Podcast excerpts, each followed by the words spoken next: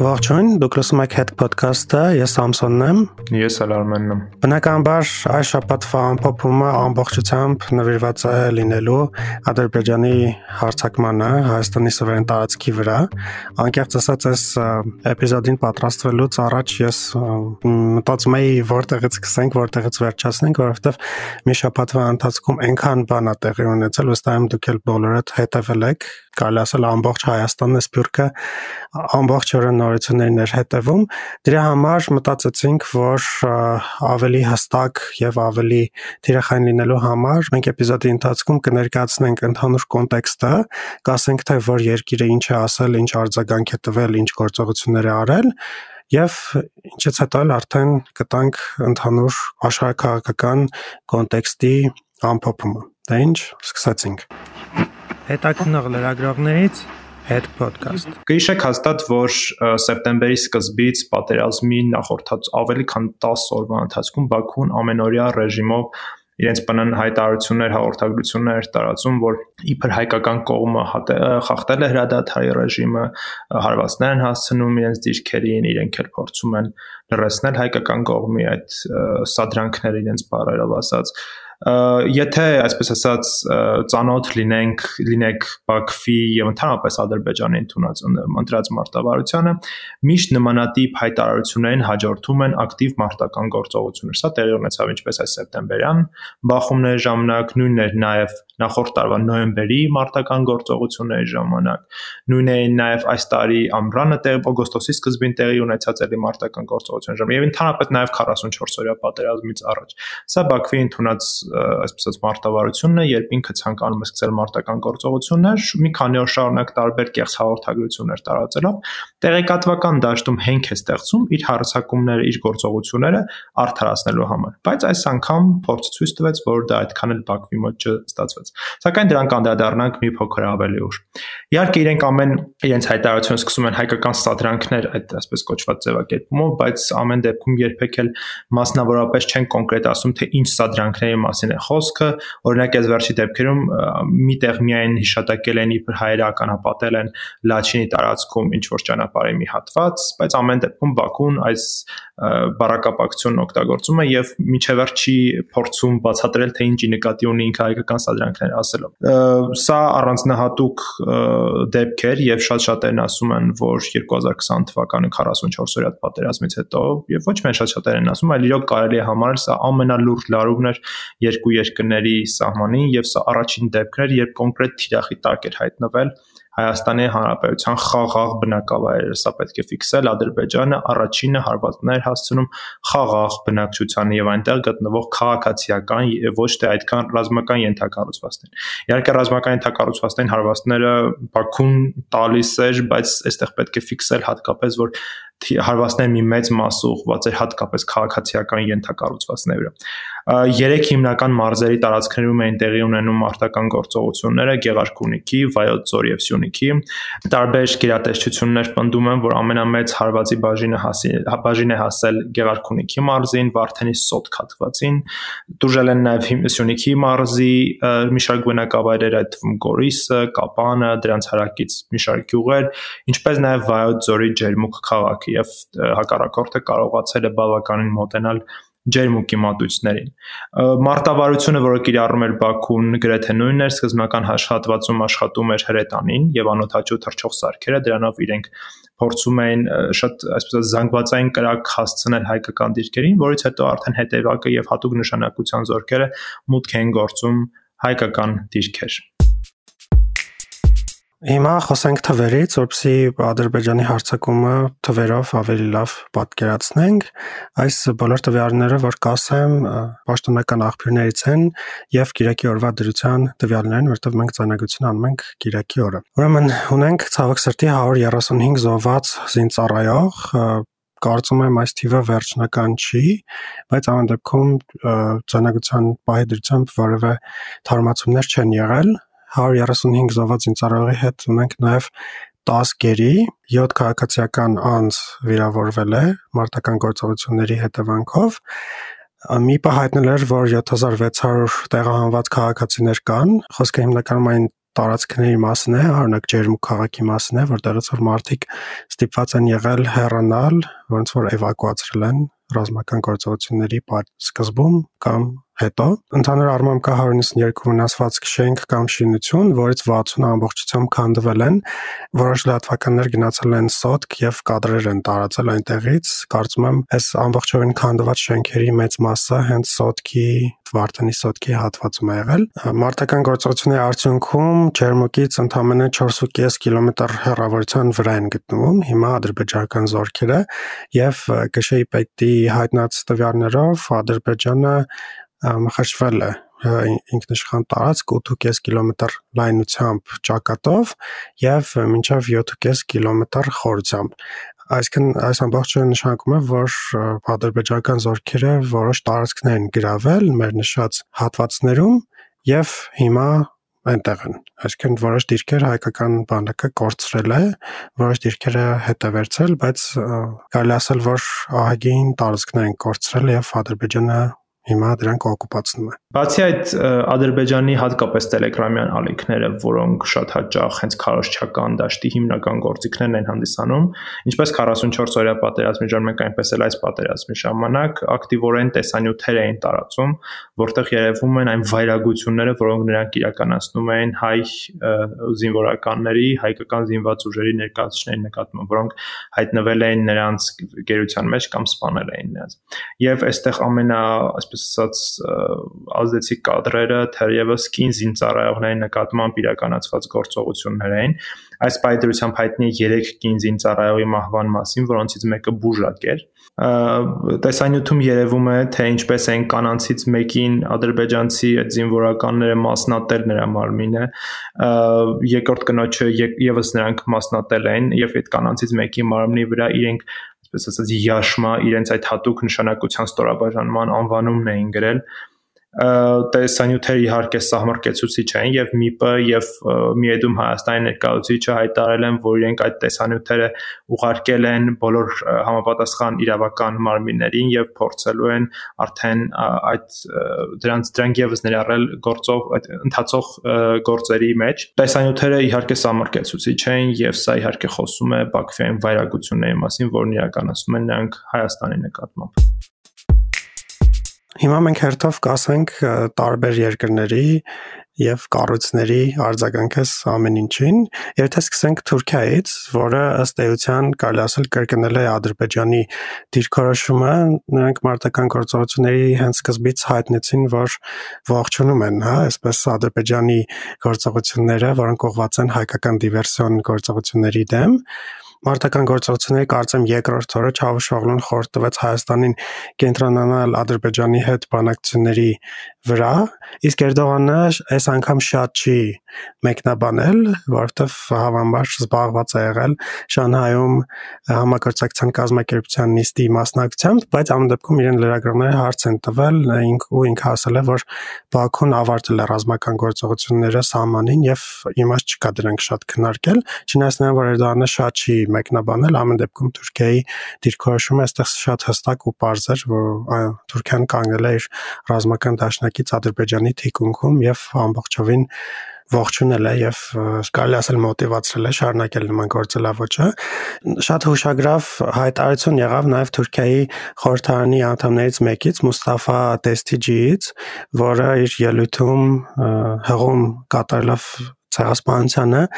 այսպես գուշացում արեց հայերին եւ ասաց որ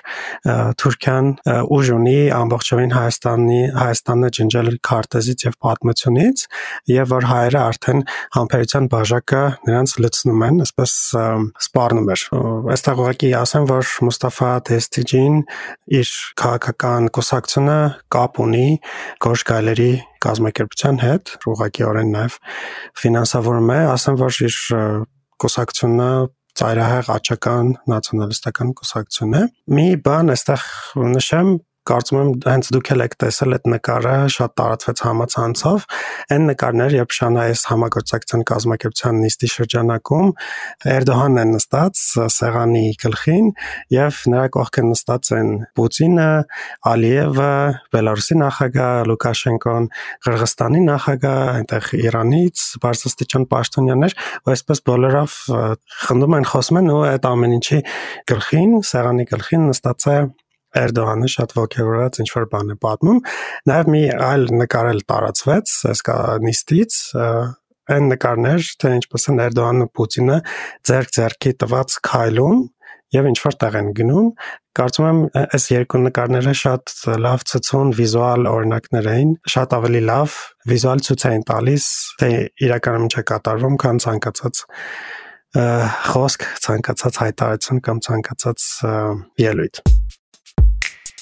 Անդրադառնանք այն անվտանգային կազմակերպությանը, որը անմիջականորեն պատասխանատու է Հայաստանի Հանրապետության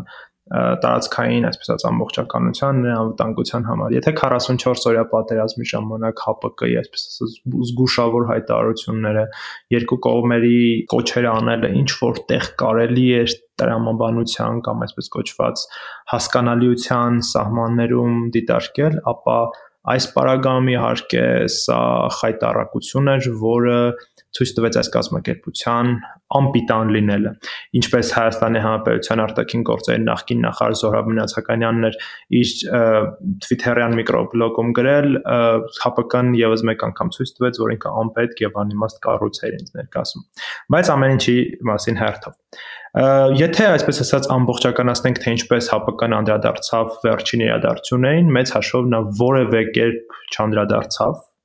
որևէ իմաստալից կերպով եւ որևէ ոչինչ չարեց, որը կկանխեր իր անդամ պետության վրա այս հարցակումը։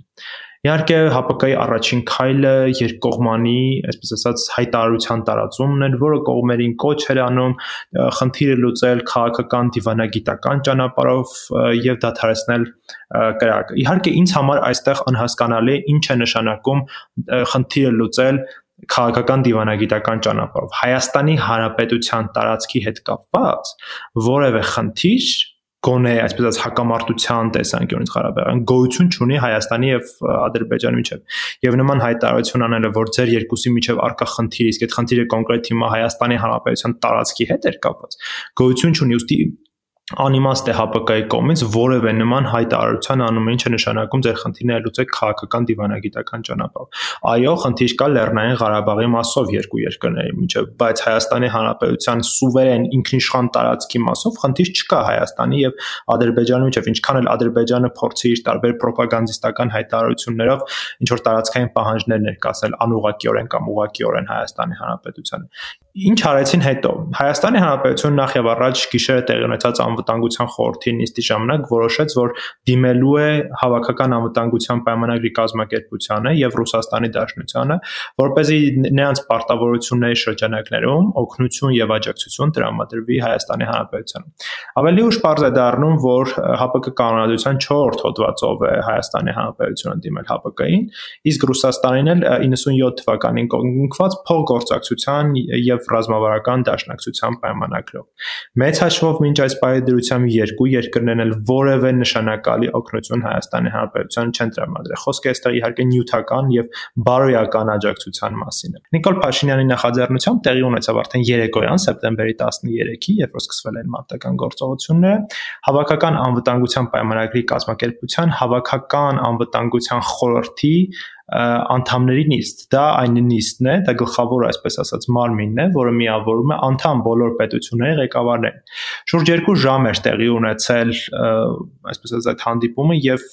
բավական երկար ժամանակ որևէ նորություն չկար, թե ինչ են կողմերը որոշվել։ Իհարկե հետո սկսեցին արդեն նախ Հայաստանի Հանրապետությունը հայտարարություն տարածեց, որտեղ նշվում էր, որ Նիկոլ Փաշինյանը բոլոր աննեմասնակիցներին ներկայացրել է արկա իրավիճակը եւ հետո այդ հայտարարության մեջ նշվում էր, որ ավելի ուշ հանդես կգա արդեն նաև քարտուղարությունը համապատասխան հայտարարությամբ։ Քարտուղարությունը բավականին երկար ժամանակ որևէ հայտարարություն չէր տարածում եւ անդամ այդ մասնակից երկրները սկսեցին ամեն մեկն իր մասով հայտարարություններ անել, օրինակ բելարուսական կողմը, որը այդ հանդիպմանը մասնակցում էր անվտանգության խորհրդի քարտուղարի մակարդակով, Լուկաշենկոն չէր մասնակցում, հայտարարեց, որ Բելարուսն առաջարկել է, որ հավաքական անվտանգության պայմանագրի կազմակերպությունը մոնիթորինգային խումբ ուղարկի էսկալացիայի գոտի, ով կհամապատասխան տեղեկատվություն կհավաքի, թե ինչ ինչ իրավիճակ է այնտեղ տեղի ունենում։ Բացի այդ, նրանք առաջարկում են, որպեսզի ձևավորվի դիվանագիտական եւ ռազմական շրջանակներից մարմին, ինչ որ աշխատանքային խմբեր, որոնք կոնկրետ իրավիճակից ելնելով խորհուրդներ կտային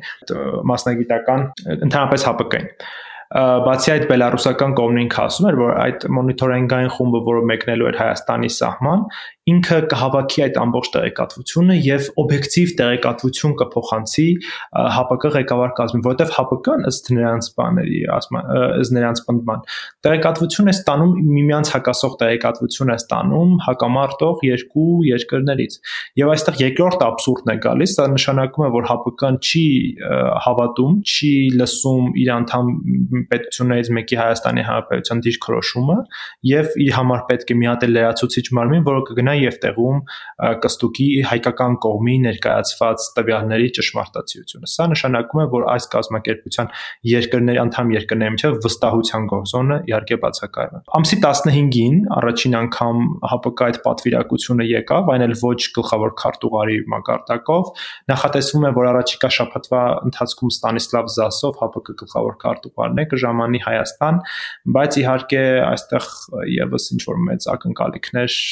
պետք պետք չի ակնկալել։ Ամեն դեպքում ՀԱՊԿ-ն շատ հստակ կերպով հասկացնել տվեց, որ իրենք չեն պատրաստում զորք ուղարկել Հայաստանի Հանրապետության տարածք ավելին։ Անդամ երկրները, հատկապես Ղազախստանը հայտարարեց, որ Ղազախ որևէ խաղաղապահ չի մեկնելու Հայաստանի Հանրապետության տարածք։ Դրանով իհարկե շատ ուղիղ ակնարկելով, որ ՀԱՊԿ-ն ձեռքերլավանում է այս տարածաշրջանից եւ ինքը չի պատրաստվում պաշտպանել իր անդամ երկրներից մեկի Հայաստանի Հանրապետության սուվերեն տարածքի անվտանգությունը։ Բացի այդ նաև արդեն այս իրադարձություններից ազդված Հայաստանի Հանրության մեջ սկսեց ել ավելի մեծանալ ՀԱՊԿ-ի նկատմամբ դժգոհությունները։ Ավելին Երևանում տեղի ունեցան բողոքի ակցիաներ, որոնք Հայաստանի իշխանություններին կոչ են անում դուրս գալ հավաքական անվտանգության պայմանագրի կազմակերպությունից։ Ավելին, երբ որ Ռուսաստանի դեսպանության դիմաց մի խումբ քաղաքացիներ բողոքի ակցիա են իրականացնում, ոստիկանները ուժի կիրառմամբ նրանց բերման ենթարկեցին։ Ավելին ոստիկանները բաներից մեկը ինքը աչքի ընկավ իր ոչ վայելուչ բառապաշարով եւ այդ ամենը իհարկե ֆիքսվել էր լրագրողների կողմից մեկ այլ абսուրդ, որը բնորոշ է ՀԱՊԿ-ին, դա այն է, որ ՀԱՊԿ-ի անդամ երկու երկրներ, Ղրղստանը եւ Տաջիկստանը, միմյանց դեմ մարտական գործողություններ էին այս օրերին վարում։ Սա թերևս, այսպես ասած, անհասկանալի երևույթ է, թե ինչպես կարող են միևնույն ռազմական բլոկի անդամ երկրներ միմյանց դեմ պատերազմական գործողություններ վարել, եւ սա ցույց է տալիս, որ այդ կառույցը մեծ հաշվով իրենց ոչինչ չի ներկայացնում եւ չի կարողանում որևէ զսպիչ գործողություններ եւ զսպիչ, այսպես ասած, գործընթացներ իրականացնել անգամ իր անդամ երկրների նկատմամբ։ Արմեն նաև հապկի երկրների հայտարարություններից իմ համար իհարկե ամենաաբսուրդայինը Ղազախստանի հայտարարությունն էր։ Ղազախստանը ասել էր, որ քանի որ Հայաստանի եւ Ադրբեջանի միջև սահմանները դելիմիտացիա դեմարկացիա արված չեն, այսինքն հստակ չեն այդ սահմանները ըստ Ղազախստանի, նրանք չեն կարող որևէ միջամտություն որևէ կերպ միջամտել, այսինքն երբ որ կարծում ես հայտարարությունը մոտդ այնպեսի տպավորություն է, որ Հայաստանի ամբողջ տարածքը վիճելի տարածք է։ Այսինքն աբսուրդ, չգիտեմ որ ժանրի աբսուրդ էր էլ իհարկե։ Ես ավելին ասեմ Samsung ռուսական որոշ պաշտոնական շրջանակներ նույնպես այդ տեսակետն են առաջ քաշել, որ իրականում քանի որ սահմանը սահմանազատված ու սահմանագծված չեն, մեծ հարց է թե ով է իրականում ում տարածք մտել։ Շատ-շատեր դրանց մի մասը այդ ովքեր նման տեսակետ են ասում, պնդում են թե իբր ադրբեջանցիները եկել են եւ զբաղեցրել են այն տարածքը, որոնք դելիմիտացիայի հետևանքով մեկ է վերադառնալու էին ադրբեջանի կազմ։ Սա իհարկե այսպես абսուրդային հայտարարություններ են, որը ավելի է խորացնում Ռուսաստանի նկատմամբ եւ նա վարվող քաղաքականության նկատմամբ վերաբերմունքը ավելի է դպացական վերաբերմունք էլ ավելի է խորանում այդ գործողությունը եւ ռուսական կողմի ընդհանրապես այդ հայտարարությունների նկատմամբ Շարունակենք հասկանանք ընդհանրապես ինչ է արել կամ ասել Ռուսաստանը։ Իհարկե Ռուսաստանի դիրքորոշումը հիմնականում երևում էր հապկի դիրքորոշումից, այսինքն հապկը մենք չենք կարող որպես առանձին անկախ կառույց դիտարկել, որովհետև հապկի մեջ որոշիչ գլխավոր դեր ունի միայն Ռուսաստանը, միայն Ռուսաստանն է որոշում, կարելի ասել միանձնյա կերպով հապկի դիրքորոշումը եւ հապկի գործողությունները, բայց ամեն դեպքում նաեւ փորձենք անդրադառնալ առանձին Ռուսաստանը հապկից ինչ է ասել։ Մոսկվան հենց կարծեմ առաջ օրը հայտարարեց, որ սերտ շփման մեջ է Բաքվի եւ Երևանի հետ եւ իրականում այս շփումը կար եւ Միրզոյանն է Լավրովի հետ մի քանի հեռախոսազրույց ունեցել եւ Փաշինյանն է Պուտինի հետ հեռախոսազրույց ունեցել եւ ընդհանրապես այս կապը կարծես թե հայկական կողմը ռուսական կողմի հետ պահում էր։ Ռուսաստանի հիմնական դիրքորոշումը մենք տեսնում ենք Պուտինի հայտարարություններից, Պուտինը եւ մյուս տարբեր երկրների լիդերներ Շանհայի համագործակցության կազմակերպության նիստերին էին մասնակցում եւ դրանցից մեկի ժամանակ Պուտինը անդրադարձավ Հայաստանի եւ Ադրբեջանի միջև հակամարտությանը եւ ասաց, որ հակամարտությունը հնարավոր է եղել տեղայնացնել եւ այսպես առանձին նշեց Ռուսաստանի ազդեցության մասին, ասաց, որ հենց Ռուսաստանի ազդեցության հետևանքով է հնարավոր եղել տեղայնացնել այդ բախումները։ Նաև Պուտինը հայտարարեց, որ ընդունեց, որ Հայաստանի եւ Ադրբեջանի սահմանին տեղ ունեցող այս միջադեպը կապված չէ Ղարաբաղի հետ։ Սամարկանդում նաև տեղ ունեցավ հանդիպում շատ ջեր մտնոլորտում տեղ ունեցավ այդ հանդիպումը Պուտինը եւ Ալիևը հանդիպեցին զրուցեցին եւ այս հանդիպման ժամանակ Պուտինը ասաց որ շատ լավ է որ հնարավոր է եղել դադարեցնել ռազմական գործողությունները բայց իրավիճակը մնում է լարված անկեղծ ասած իմ մոտ այն տպավորություններ որ կարծես թե ինքը ակնարկում է, որ չնայած նրան, որ հիմա հրադադարի ռեժիմը կարողացանք ապահովել, բայց իրավիճակը լարված է մնում, այսպես ակնարկելով, որ հետագայում ելի նորից հնարավոր են ինչ-որ գործողություններ Իսկ Ալիևը Պուտինին ասաց, որ ոչ Երևանը, ոչ Բաքուն լայնամասշտաբ էսկալացիայի չէին ձգտում, այնպիսի տպավորություններ, որ Հայաստանը ինչ որ հարցակվել է Ադրբեջանի վրա, բայց չնայած այդ հարցակման ինչ որ լայնամասշտաբ էսկալացիայի նպատակ չուներ, այսպես այսպես ընկալվեց։ Ալիևը նաև շնորհակալություն հայտնեց Պուտինին իր օպերատիվ արձագանքման համար։ Պուտինը լի պատասխան Ալիևին ասաց, որ Ռուսաստանի եւ Ադրբեջանի հարաբերությունները շատ հաջող են զարգանում։ Իրականում կարծում եմ շատերը հասկացան այս հանդիպումներից եւ ընդհանրապես Ադրբեջան-Ռուսաստան հարաբերություններից մանավանդ վերջին մի տարվա ընթացքում, որ իրականում Ադրբեջանը կարելի է հիմա արդեն հստակ ասել, որ շատ ավելի մեծ ռազմավարական դաշնակից է ընկալվում Ռուսաստանում, քան Հայաստանը,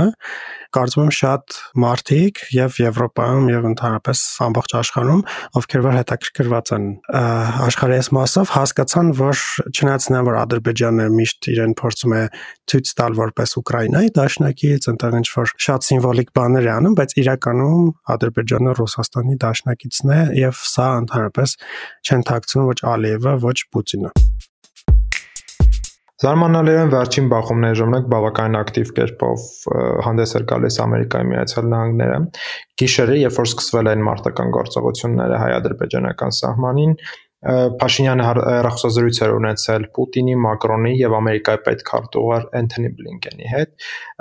Բլինկենը իհարկե կոչ էր արել, որպեսզի որ հա, որ ընդհանրապես ամերիկյան, այսպես ասած, establishment-ը այն տեսակետն էր բոլոր հայտարարություններում առաջ քաշում, որ այս հակամարտությունը ունի ռազմական լուծում։ Դա իդեպ այսօր նաեւ շեշտեց ԱՄՆ կոնգրեսի ներկայացուցիչների պալատի խոսնակ Նենսի Փելոսին։ Բախումների հաջորդ օրը առավոտյան Net Price-ով պետքարտուղար հաշտուղարության մամուլի խոսնակներ վերահաստատեց այս մոտեցումը, բայց մի շատ հետաքրքիր, այսպես ասած, բան տեղի ունեցավ սեպտեմբերի 13-ի երեկոյան, երբ եւ ԱՄՆ պետքարտուղարությունը եւ պետքարտուղար Էնթոնի Բլինկենը սոցիալական ցանցերի իրենց էջերում գրեցին, որ Ամերիկայի Միացյալ Նահանգները եւ պետքարտուղար Էնթոնի Բլինկենը հատկապես կոչ են անում Ադրբեջանին, որ เป զի նա դադարեցնի Հայաստանի Հանրապետության տարածքի վրա հարցակումը եւ մարտական գործողությունները։ Առաջին անգամ բացահայտորեն Միացյալ Նահանգները հայտարարեց այն մասին, որ ադրբեջանական կողմն է հարցակում իրականացրել Հայաստանի վրա։ Միևնույն իդեպ դա նշվում էր Բլինկեն-Ալիև հերախոսազրույցի վերաբերյալ մամուլի հաղորդագրության մեջ նույն պահին նաև տարածվել էր Նիկոլ Փաշինյանի հետ հեռախոսազրույցի վերաբերյալ հայտարարություն հաղորդագրությունը, որտեղ ամերիկյան կողմը նշել էր, որ Ամերիկայի Միացյալ Նահանգները վստահեցրել է Հայաստանին, որ իրենք աջակցելու են նրանց տարածքային ամբողջականության պահպանման, այսինքն զուտ էստեղ Միացյալ Նահանգներն ինքը ֆիքսում էր, որ ագրեսոր պետությունը այս բարակայում բնականաբար Ադրբեջանն է։ Դա նույնը այսօր վերահաստատել է նաև խոսնակ Նենսի Փելոսին։ Նենսի Փելոսի այցը բավականին հետաքրքիր եղավ, չնայած ամերիկյան կողմը պնդում էր, որ հրավերն իրենք Հայաստանի իշխանություններին ստացել են շատ ավելի վաղ, բայց դա համընկավ այս մարտական գործողություններից հետո եւ իդեպ այսպես կոչված թրեյլերը, որը տարածվել էր Փելոսի այցի հետ կապված նշում էր, որ այս այցով Ամերիկայի Միացյալ Նահանգներն աջակցությունն է հայտնելու Հայաստանի Հանրապետությանը, որը վերջին օրերին ապօրինի եւ մահաբեր հարձակման է ենթարկվել Ադրբեջանի կողմից։ Իդեպ այս նախադասությունը եւս կիրառվում էր այսօր Ալեն Սիմոնյանի հետ մամուլի ասուլիսի վերաբերյալ ամերիկյան կողմի տարածած հաղորդագրության մեջ, այսինքն Ամերիկայի Միացյալ Նահանգները շարունակում է պնդել, որ Ադրբեջանն է ագրեսոր երկիր եւ հարձակվել է Հայաստանի Հանրապետության վրա։ Փելոսի այցը բավականին մեծ, այսպես ասած, քննարկումներ խնդիրների եւ սպասելիքների ալիք է առաջացրել Հայաստանի Հանրապետությունում։ Իհարկե այդ սպասելիքները մի շարք առումներով իրենք հիմնավոր չեն, որովհետեւ նույն այսօր Փելոսին ինքը հայտարարեց, որ իրենք աջակցում են Հայաստանի Հանրապետությանը, որ հարցակման ենթարկել, ենթարկվել, բայց իրենք եկել են այստեղ հասկանալու թե ինչ ակնկալիքներ եւ ինչ սպասելիքներ ունի Հայաստանի Հանրապետությունը, այսինքն Հայաստանի Հանրապետությունը հստակ պետք է փոխանցի այն ազդակները, որոնք իրենց իրենք ամերիկյան կողմից ունեն։ Իհարկե այստեղ մի քիչ դրամաբանական չի լինի մտածելը, որ Միացյալ Նահանգները ասենց մի անգամից մեզ օգնություն կտրամադրեն այդ թվում նաև ռազմականից մենք էլ մեր աշխարհակահաղական վեկտորը ընդհանրապես կփոխենք դեպի արևմուտք, բայց ամեն դեպքում սա գոնե սիմվոլիկ տեսանկյունից բավականին կարևոր էր, որ աշխարհի գերտերություններից մեկը ինքը հստակ իր աջակցությունը հայտնեց Հայաստանի Հանրապետությանը, ինչը միջև այս չէր եղել կոնկրետ Ղարաբաղյան հակամարտության շրջանակներում։ Եվ շատ կարևոր մի հանգամանք էլ նշեմ, որ հենց պատերազմի այս մարտական գործողությունների մեկնարկի առավոտյան ամերիկյան բազմաթիվ կոնգրեսականներ իրենց աջակցությունն էին հայտնել Հայաստանի Հանրապետությանը հստակ կոչ անելով Միացյալ Նահանգներին դադարեցնել ցանկացած տիպի աջակցություն, օգնությունը Ադրբեջանին։ Հիմա փոքր խոսենք Եմենից։ Ես էպիզոդին պատրաստվելիս մտածում էի ինչ ասեմ Եմեն ինչ է կարողանում ամենալավը անել ու բնականաբար Եմեն ամենալավը կարողանում է խիստ անհանգստանալ իրավիճակով ու մտապես հենց այդպես էլ եղավ։ Խիստ անհանգստացած էր Եմեն ամբողջ ընթացքում Այս ֆոնին ասեմ, պետք է ասեմ, որ ԵՄ-ի քաղաքականությունը քննադատող շատ տարբեր ելույթներ եղան Եվրախորհրդանում ու ամնահուշագրավը երևի Գերմանացի պատգամավոր Մարտին Զոննեբորնի ելույթներ, որը Ուրսուլա ֆոն դեր Լենին ասաց, ես սկզբից մտածում էի դուք պարզապես ոչ կոմպետենտ եք եւ մի քիչ հանցագործ, բայց հիմա գիտեմ, որ դուք զուրկ եք բարականությունից, ասես շատ խիստ քննադատական խոսքով հանդես եկավ այս պատգամավորը, բայց ամեն դեպքում ասենք, որ Շարլ Միշելը հայտարարեց հենց սկզբից, որ կոնֆլիկտի լուծման այլ այլ ընտրանք չի կարող լինել, միայն քաղաքական լուծում պետք է ստանա կոնֆլիկտը, միայն խաղաղության միջոցով պետք է լուծվի այս իրավիճակը եւ ասաց, որ ջանքեր է գործադրելու էսկալացիան կանխելու համար եւ Եմեն ուղարկեց Եմայի հատուկ ներկայացուցիչ Տոյվո Կլարին, որը այցելություններ ունեցավ Բաքու եւ Երևան Չնայած սրան Տոյվա Կլարը իր այցելությունների վերջում շատ էլի այսպես լողոզված կերպով գրել էր այս վերջին իրադարձությունների մասին ու հիմա տեմսի տպավորություններ որ չիմացող մարդը որ կարդա այս իր թվիթը չի հասկանա թե որ կողմը որ կողմի վրա է հարցակվել նաև ասել էր որ ռազմական այդ հանցագործությունների վերաբերյալ որ երկու կողմն էլ պետք է հաշվի առնել սա առաջին անգամը չէ որ Տոյվա Կլարը թաքնված պրո-ադրբեջանական դիրքորոշում ունի, բայց հասկանում եմ իր գործը դիվան ինչքան հնարավոր է դիվանագիտական դիրքերից հանդես գալն է, բայց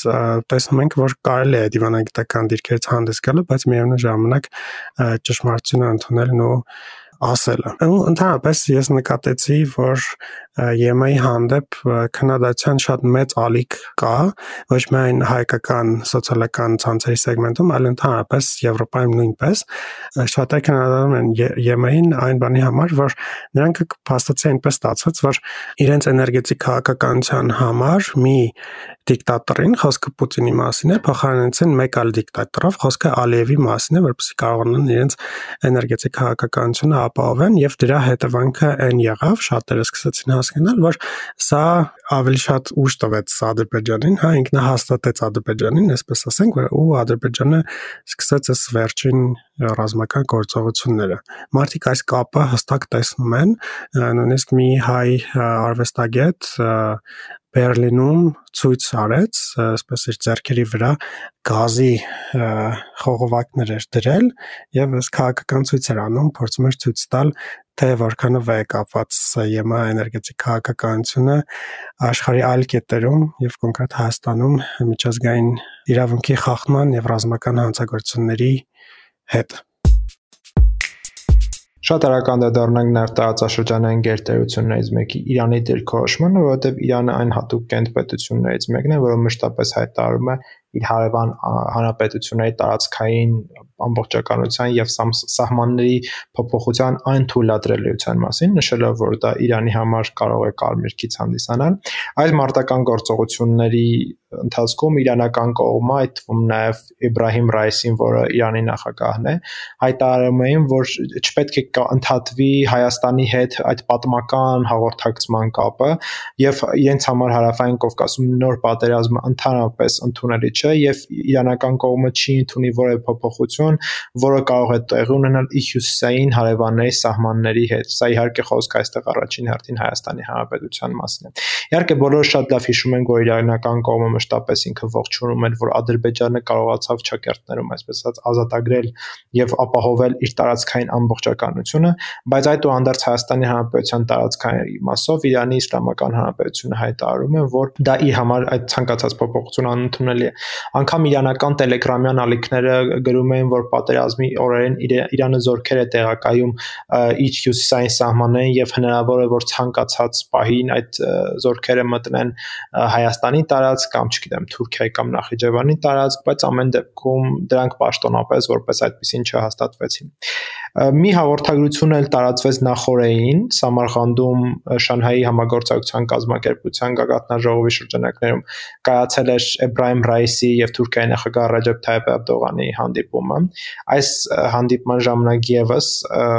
Ռայիսին ըստ տարածված իրանական կողմի տարածած հաղորդագրության հայտարարել էր, որ իրենց համար անընդունելի են տարածաշրջանում ցանկացած սահմանային փոփոխություններ, ինչպես նաեւ Իրանը դեմ է հանդես գալիս միջազգային պատմական եւ աշխարհակաղակական սահմանների ցանկացած փոփոխության։ Ամեն դեպքում սա պարտական կողմի ազդակն է, իհարկե ընդհանրապես անհասկանալի է կամ ամեն ամեն դեպքում դժվար է կանխատեսել, թե արդյոք իրանական կողմը ինչ որ կոնկրետ քայլեր կձեռնարկի, եթե հանկարծ Հայաստանի սահմանների փոփոխության հետ կապված որևէ խնդիր առաջանա, բայց ամեն դեպքում Իրանը հստակ ազդակներ է տալիս, որ Հայաստանի տարածքային ամբողջականությունը իր համար կարմիր գիծ է։ Թե ինչքանով է այս հայտարարությունը, այսպես ասած, իրականության մոտ դժվար է ասել։ Մի բան ավելացնեմ, այստեղ շատ ուշագրավ էր Իրանում Ադրբեջանի դեսպանի թվիթը, որը որ կարելի ասել ընդունել էր, որ Ադրբեջանը հարցակվել է Հայաստանի վրա, չնայած նաև որ Ադրբեջանի պաշտոնական դիրքորոշումը սա չէ, նա գրել էր, որ այսպես պաթոսախառը հայտա Twitter գրել, որի իմաստն էր, որ ադրբեջական բանակը իր արժև դրած բոլոր նպատակներին հասել է եւ հիմա հայկական տարածքում որոշ դիրքեր են գրավել, այսպես շնորհավորական Twitter ու սրանով ընդունել էր այն, որ Ադրբեջանն է իրականում առաջինը հարցակվել ու նաեւ շատ սիմվոլիկ էր, որ հենց Իրանում Ադրբեջանի դեսպանն է այսպեսի բան ասում, կարծես թե փորձում են մարտահրավեր նետել Իրանի պաշտոնական դիրքորոշմանը։ Հիմա մի փոքր խոսենք ներքաղաքական դաշտում ինչ էր կատարվում այս շաբաթվա ընթացքում։ Մինչև սրան անցնելը ուզում եմ շնորհակալություն հայտնել բոլոր մեր ունկնդիրներին, ովքեր մինչև այս պահը լսել են։ Գիտենք, որ այս էպիզոդը մի քիչ ավելի երկար է, քան մեր մյուս էպիզոդները, հասկանալի է, որովհետև շատ բան է տեղի ունեցել եւ մենք էլ ուզում ենք դες ամբողջ պատկերը, ամբողջ կոնտեքստը փոխանցել։ Դրա համար շնորհակալություն, որ լսում եք մեզ եւ հետեւում եք մեզ, շարունակենք։ Հա, հիմա խոսենք ներքաղաքական դաշտից։ Փաշինյանի Փաշինյանը ազգային ժողովում ելույթ ունեցավ եւ ես այդ ելույթից հիմնական բանալի կարևոր բաներ եք ասեմ։ Նախ նա խոսեց Ադրբեջանի հետ բանակցային գործընթացից եւ ասաց, որ Ադրբեջանը շարունակում է հրաժարվել բանակցային գործընթացից այն առումով, որ չի ցանկանում ընդհանրապես քննարկել Ղարաբաղի հարցը եւ այն համարում է լուծված։ Սա ավելի ակնհայտ է եղել վերջին հանդիպման ժամանակ Փաշինյան-Ալիև Բրյուսելում հանդիպման ժամանակ, որտեղ որ Ադրբեջանը ուղղակի ասել է Ղարաբաղի հարցը չեն քննարկում, որտեղ այդ հարցը մենք համարում ենք լուծված։ Մյուս կետին, որին որ Փաշինյանը դարձավ, դա Հայաստան տարածքային ամբողջականությունն էր, ավելի ճիշտ Հայաստան-Ադրբեջան միմյանց տարածքային ամբողջականության ճանաչման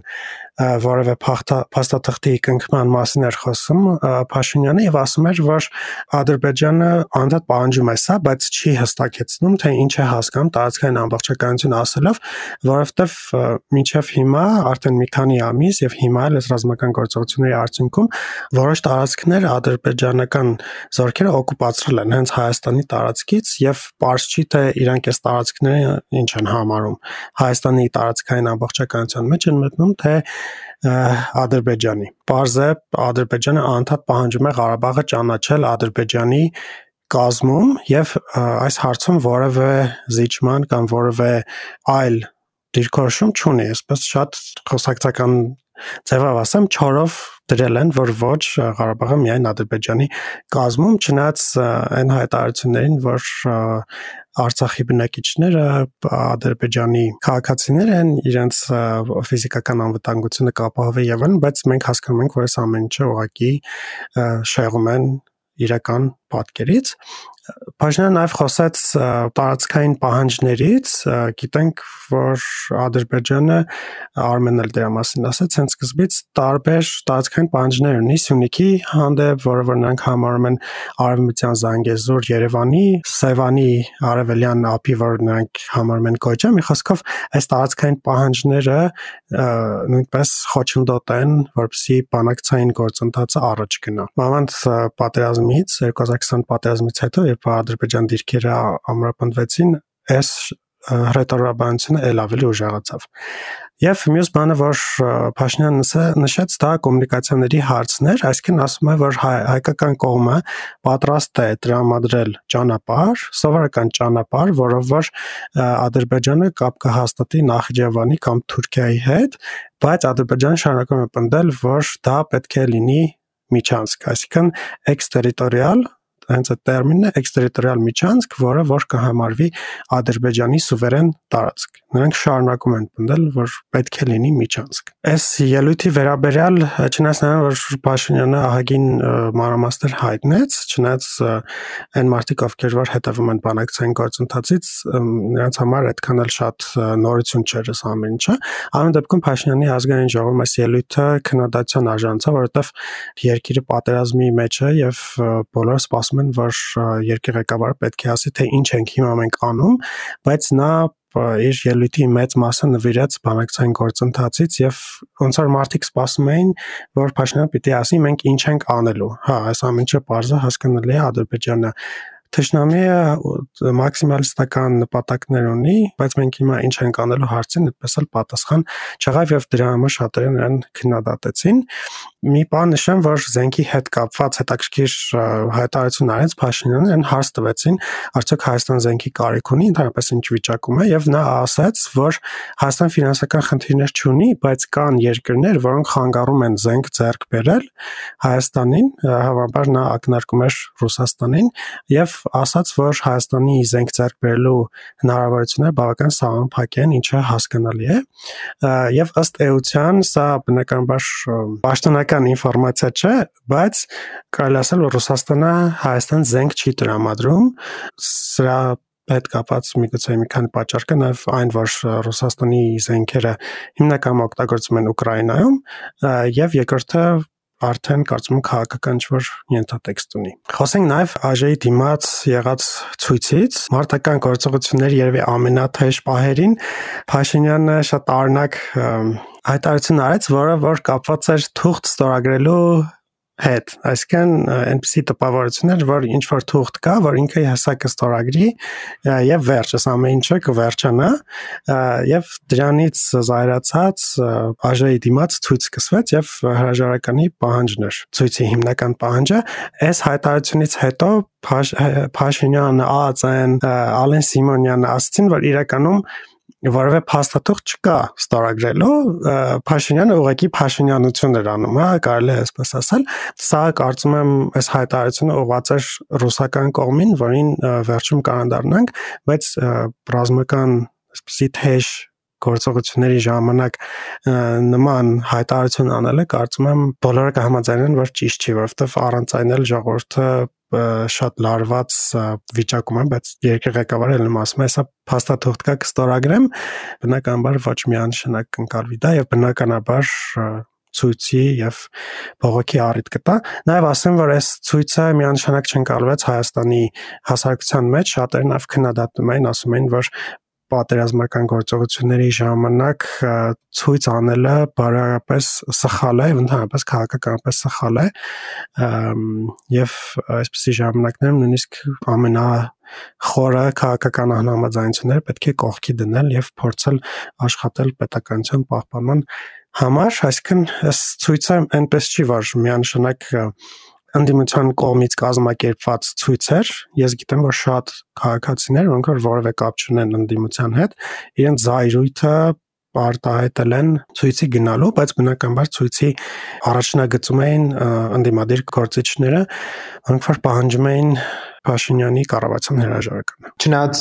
զինված հակամարտության օրերին եւ դրանից հետո ռուսական կողմն անընդհատ ինքը պնդում էր, որ այս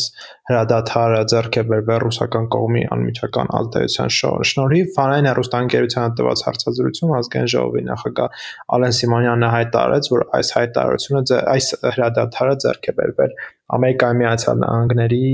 միջնորդությամբ եւ ամերիկյան կողմն է նպաստել, որ երկու երկրները դադարեցնեն կրակը հայ-ադրբեջանական սահմանին։ Բացի այդ, Ալեն Սիմոնյանը իր հարցազրույցի ժամանակ նշեց, որ բնականաբար Հայաստանի իշխանությունները եւս դժգոհ են հավաքական անվտանգության պայմանագրի կազմակերպությունից եւ հայկական կողմի սպասելիքները, որ այս պարագայում հապական իրենց օգնություն կտրամադրի, իհարկե չեն արդարացել ու ինչպես նշում էր Ալեն Սիմոնյանը, Հայաստանի Հանրապետությունը հետևություններ է անելու այս իրավիճակից։ Թեմային նաեւ Չորեքշաբթի օրը ազգային ժողովում տեղի ունեցած հարց ու պատասխանի ժամանակ անդրադարձել էր նաեւ Հայաստանի Հանրապետության արտաքին գործերի նախարար Արադ Միրզոյանը։ Արադ Միրզոյանը պատասխանելով այն հարցին, թե արդյոք ՀՊԿ-ից սպասելիքները բավարարվել են հերքեց այդ հանգամանքը նշելով որ ՀՊԿ-ից իրենք շատ ավելին էին սպասում եւ ՀՊԿ-ի այսպես ասած չեն կա Հայաստանի Հանրապետությունը չի կարող նստելու սպասել ՀՊԿ-ի այսպես ասած արձագանքին հակառակ պարագայում այդ ընթացքում ուղակի մեծ կոչանչացնի հակառակորդը բացի այդ Արադ Միրզյանը նաև այն տեսակետին էր, որ Ադրբեջանը համարում է, որ խաղաղության պայմանագրի բանակցություն, որի մասին անընդհատ հայտարարում է Բաքուն, թե ինքը 5 կետանոց խաղաղության պայմանագիր է առաջ քաշել Արադ Միրզյանի պնդմամբ Ադրբեջանում Ադրբեջանի ղեկավար կազմում ընդունվում այն կարծիքին են, որ Հայաստանը առանց որևէ առարկության կամ առանց որևէ առաջարկի ինքը պետք է ընդունի, քանի որ Հայաստանը պարտվող կողմ է պատերազմում, պետք է ընդունի այն ամենը, ինչ Բաքուն պարտադրում է իրեն։ Միրզյանը նշեց, որ հայկական կողմը այս դրամաբանությամբ չի առաջնորդվում Մի կարևոր գործողություն, որը ձեռնարկել են Պաշտպանության եւ Արտաքին գործերի նախարարության նախարարությունների համատեղ, որը պետք է շատ ավելի վաղուց արվեր, նաեւ սահմանային էսկալացիայի մյուս բոլոր դեպքերում դա դիվանագիտական Հայաստանում հավատարմագրված դիվանագիտական ներկայացությունների ներկայացուցիչներին դեսպանների մակարդակով տանել այն վայրերը, որտեղ առավել այսպես ասած հուշկու մարտեր էին տեղ ունեցել, այս անգամ ՀՀՊՆ եւ ԱԿՆ դեսպաններին տարել են ջերմուկ քաղաք ցույց տալու այն վարակությունները, որոնք քաղաքի նկատմամբ իրականացրել էր ադրբեջանական հրետանին, Ադրբեջանի զինված ուժերը, մասնակցում էին Հայաստանում հավատարմագրված գրեթե բոլոր դեսպանները, շատ ցայտուն էր այն հանգամանքը, որ Ռուսաստանի դեսպանը չէր մասնակցում այդ այցին, այլ դեսպանատնից մեկ այլ ավելի ցածր մակարդակի պաշտոնյա էր մասնակցում այդ այցին։ Այցից հետո Գերմանիայի փոխդեսպանը շատ կարևոր մի գրառում էր արել սոցիալական ցանցի էջերում, որ ինքը ցնցված այն վայրագություններով, որով Ադրբեջանի զինված ուժերն իրականացրել են Ջերմուկ քաղաքի նկատմամբ, սա շատ կարևոր ակցիա էր եւ ես կարծում եմ, որ ցանկացած նման իրավիճակում դեսպաններին պետք է տանել նման վայրեր, որովհետեւ դեսպաններն են ուղիղ այն կապը արտասահմանյան երկրների միջև, քանի որ ընդունված պրակտիկա է, որ դեսպանները միշտ իրենք այսպես ասած տվյալներ են փոխանցում, միշտ իրենք ինչ որ զեկույցներ են պատրաստում այն կամ այն իրադարձության վերաբերյալ, որոնք տեղի ունենում իրենց պաշտոնավարման ընթացքում։ Ոստի ԱԳՆ եւ ՊՆ պարտավոր են այս պրակտիկան շարունակել եւս հետագայում իրականացնել մենք մեր թողարկումների ընթացքում փորձում ենք մեր ունկնդիրներին ոչ միայն 4 փաստերը ներկայացնել, հա, այլ փորձում ենք նաև որոշ առումով վերլուծել, միասին հասկանալ թե իրական ինչ է կատարվում։ Դրա համար հիմա փորձենք ամփոփել, հա, այս աշխարհակաղակական կոնտեքստը։ Ես կարծում եմ, որ Ադրբեջանի կողմից ռազմական գործողությունների նպատակը ել ավելի մեծ ճնշում գործադրելն էր հայկական կողմի վրա երկու հիմնական բաղադրիչ կա իմ կարծիքով առաջինը դա Զանգեզուրի միջանցքը որովհետեւ վերջապես Ադրբեջանը կարողանա Հայաստանից այսպես կորզել Զանգեզուրի միջանցքը հենց այնպեսի տեսքով ինչպես որ իրենք են պատկերացնում եւ երկրորդը Արցախի կարգավիճակի հարցը վերջնական փակելն է իրենց նպատակը։ Այստեղ կարող է նշել, որ Հարավային Կովկասում երկու հիմնական դերակատարների Թուրքիայի, Ռուսաստանի եւ որպես երրորդ կողմ Ադրբեջանի շահերը կարելի ասել հիմա բավականին համընկնում են եւ այդ շահերը հիմնական կապված են Հայաստան տարածքով Զանգեզուրի միջանցքը գործարկելու հետ։ Թուրքիայի եւ Ադրբեջանի համար կան հստակ գաղափարական հիմքեր, հա, որը մեծ Թուրանի պանթուրքիստական ծրագիրն է, եթե ուղղակի նայենք քարտեզին կտեսնենք, որ Հայաստանն է կարծես թե միակ երկիրն է, որը որ պանթուրքիստական մեծ Թուրանի ճանապարհին է կանգնած եւ այս Զանգեզուրի միջանցքը հնարավորություն կտա այդ ծրագիրը իրականություն դարձնել։ Սա հենց գաղափարական հիմքերի մասին եմ ասում։ Իսկ Մոսկվայի համար կարծում եմ, որ մի քանի բան կա։ Առաջին դա տնտեսական շահն է Զանգեզուրից հնարավոր է միջանցքից։ Երկրորդը այն է, որ Ռուսաստանը կունենա եւս մեկ վերահսկման կետ Հայաստանի մեջ եւ ընդհանրապես հարավային Կովկասում եւ երթը Ռուսաստանի եւ Թուրքիայի լիդերների Պուտինի եւ Էրդողանի մերձեցումն է, ելի հիշենք նկարը, որը որ տարածվել էր ընդհանրապես երկու պետությունների հարաբերությունները կարծես թե վերջին շրջանում բավականին մերձեցել են եւ Ռուսաստանի այս դիրքաշումը կարծում եմ դեռ նոյեմբերի 9-ի հայտարարության մեջ հստակ երևում է եւ այս արտաքին քաղաքական վեկտորը մենք հստակ տեսնում ենք 2020 թվականից սկսած Ռուսաստանի այս դիրքաշումը երևում է օրինակ ՄԱԿ-ում անվտանգության խորհրդի արտահայտ նիստի ժամանակ ռուս ներկայացուցիչի ելույթից, Եբեզնյայի ելույթից, կարող եք նայել ելույթը, միանգամից կհասկանաք ինչի մասն է խոսքը։ Բնականաբար հայկական կողմը, այստեղ խոսքը ոչ միայն Փաշինյանի կառավարության մասին է, այլ կարծում եմ ցանկացած կառավարություն էլ որ լիներ, բնականաբար չէր կարող համաձայնվել միջանցքի այս պահանջների հետ եւ փոխարենը առաջարկում է սովորական կոմունիկացիա Հայաստանի ճանապարհով, պատրաստ է բացել սահմանները, բայց այս առաջարկները անդադ մերժվում են, քանի որ Ադրբեջանն եւ Թուրքիան ունեն ռազմական ավելի շատ մեծ հնարավորություններ Ռուսաստանի կարծես թե դեմ չի։ Այստեղ նաեւ որոշ առումով վտանգ կա Հայաստանի համար նրա վերաբերյալ Ռուսաստանը միգուցե ինչ որ բայ շատ ավելի հստակ ձևով պնդի եւ պահանջի Հայաստանից միանալ Դաշնային պետության կազմի մեջ, չնայած նա որ Հայաստանը որևէ սահման չունի Ռուսաստանի կամ Բելարուսի հետ, Հայաստանի Դաշնային պետության մեջ մտնելը կարող է Պուտինին որոշ ռեյտինգ բարձրացնել եւ այսպես Ուկրաինայի ֆոնին սա հնարավոր է ընկալվի որպես եւս մեկ հաղթանակ, այնպես չի որ մեզ կստիպեն մտնել դաշնային պետության մեջ, ուղղակի այնպեսի իրավիճակ կստեղծվի, որ մենք ուզած թե չուզած կխնդրենք Ռուսաստանին մտնել այդ դաշնային պետության մեջ ու կարծում եմ Փաշինյանի հենց այս հայտարարությունը, որ կստորագրի այդ փաստաթուղթը, որը իրականում չկա, ուղղակիորեն ուղղված էր հենց ռուսական կողմին, որովհետև եթե Հայաստանն ու Ադրբեջանը կամ Հայաստանը եւ Թուրքիան կարողանան առանձին իրեր հետ պայմանավորվել, սա կթույլատնի Ռուսաստանի դիրքերը, բնականաբար Ռուսաստանը հետաքրքրված չէ, որ Հայաստանն ու Թուրքիան իրար հետ պայմանավորվեն, միշտ ցանկացել է կարգավորողի դերում հանդես գալ Ռուսաստանը եւ եթե մենք կարողանանք Ադրբեջանի կամ Թուրքիայի հետ առանձին պայմանավորվել Ռուսաստանի կարիքը այսպես թե այնպես տրամաբանորեն քչանում է կամ կորում է այն մարդիկ ովքեր ծանոթ են պատմությանը հայց պատմությանը եւ հայց պատմությանը ռուս-թուրքական հարաբերությունների համատեքստում կարծում եմ կհամաձայնվեն որ Հայաստանի, Թուրքիայի եւ Հայաստանի Ադրբեջանի հետ հարաբերությունները ուղղակիորեն պետք է դիտարկել Թուրքիա-Ռուսաստան հարաբերությունների համատեքստում ցավոք սրտի այնպես է ստեղծվել որ իդեալական ժամանակի Ադրբեջանի համար նոր մեծ թափով իր ուժը ցույց տալու հարցում հաշվի առնելով որ Ուկրաինայում իրավիճակը որ Ռուսաստանը անդադ հետ է նահանջում զբաղված է չնայած չեմ կարծում որ եթե զբաղված չլիներ ինչ որ տարբերություն կլիներ եւ Ռուսաստան-Թուրքիա շահերի համընկնումը հարավային Կովկասում եւ միգուցե նաեւ աշխարհի այլ կետերում բնականաբար այս ամենը իրար հետ կապ ունի իրավիճակին շատ ռեալ նայելով մենք պետք է գիտակցենք, որ սրանով ամեն ինչ չի վերջանում, հա, Ադրբեջանը այսպես հեշտ ու հանգիստ չի հրաժարվի իր մաքսիմալիստական դիրքորոշումից եւ մաքսիմալիստական պահանջներից եւ հնարավոր է, որ նոր սրացում լինի եւ նոր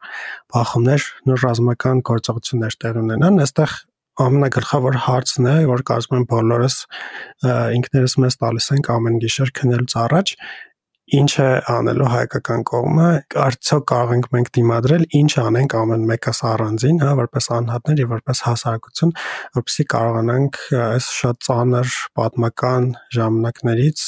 որքան հնարավոր է քիչ կորուստներով եւ նույնիսկ ինչ որ չափ հաղթանակած դուրս գանք, հասկացել ենք բոլորս, կարծում եմ, որ մենք մենակ ենք կարելի ասել, ունենք միայն ինքներս մեզ եւ մեր բանակը, ու վերջ։ Ոչ ոք մեզ չի օգնելու, ոչ ոք մեզ ոչ ոք մեր սահմանները չի պաշտպանելու, ոչ ոք այստեղ զորք չի ուղարկելու, այնպես որ պետք է զգոն լինենք եւ կշռադատված եւ սառը դատենք։ Այսքանը թերևս այս շաբաթվա համար շնորհակալ ենք, որ վերջին 1 ժամվա ընթացքում մեզ հետ եք եւ միասին ամփոփում ենք այն Սահմռկեցուցիչ իրադարձությունները, որոնք վերջին շաբաթվա ընթացքում տեղի են ունենում մեր երկրի սահմաններին, հուսանք առաջիկայում նման դեպքերի ականատես չենք լինի եւ իրոք Հայաստանի Հանրապետությունում եւ նրա սահմաններին խաղաղություն կլինի։ Շարունակեք հետևել մեզ, մենք հաջորդ շաբաթ կվերադառնանք արդեն նոր, թարմ եւ հուսանք ոչ պատերազմական նորություններով, իսկ դուք շարունակեք գրել մեզ, թե ինչ թեմաներ են ձեզ հետաքրքրում։ Մենք էլ կփորձենք մեր ոդկասթի շրջանակներում անդրադառնալ նաև այդ թեմաներին։ Եվ մեր մշտական ունկնդիրները արդեն գիտեն, որ կարող եք միանալ մեր Facebook-յան խմբին հայտար կամ լատինատար որոնելով հետ podcast եւ հետքին կարող եք լսել podcast լսելու բոլոր հավելվածներում կանք Apple Podcast-ում, Google Podcast-ում, Spotify-ում եւ այլ հավելվածներում, ինչպես Արմենը ասաց, հուսով ենք հաջորդ թողարկումը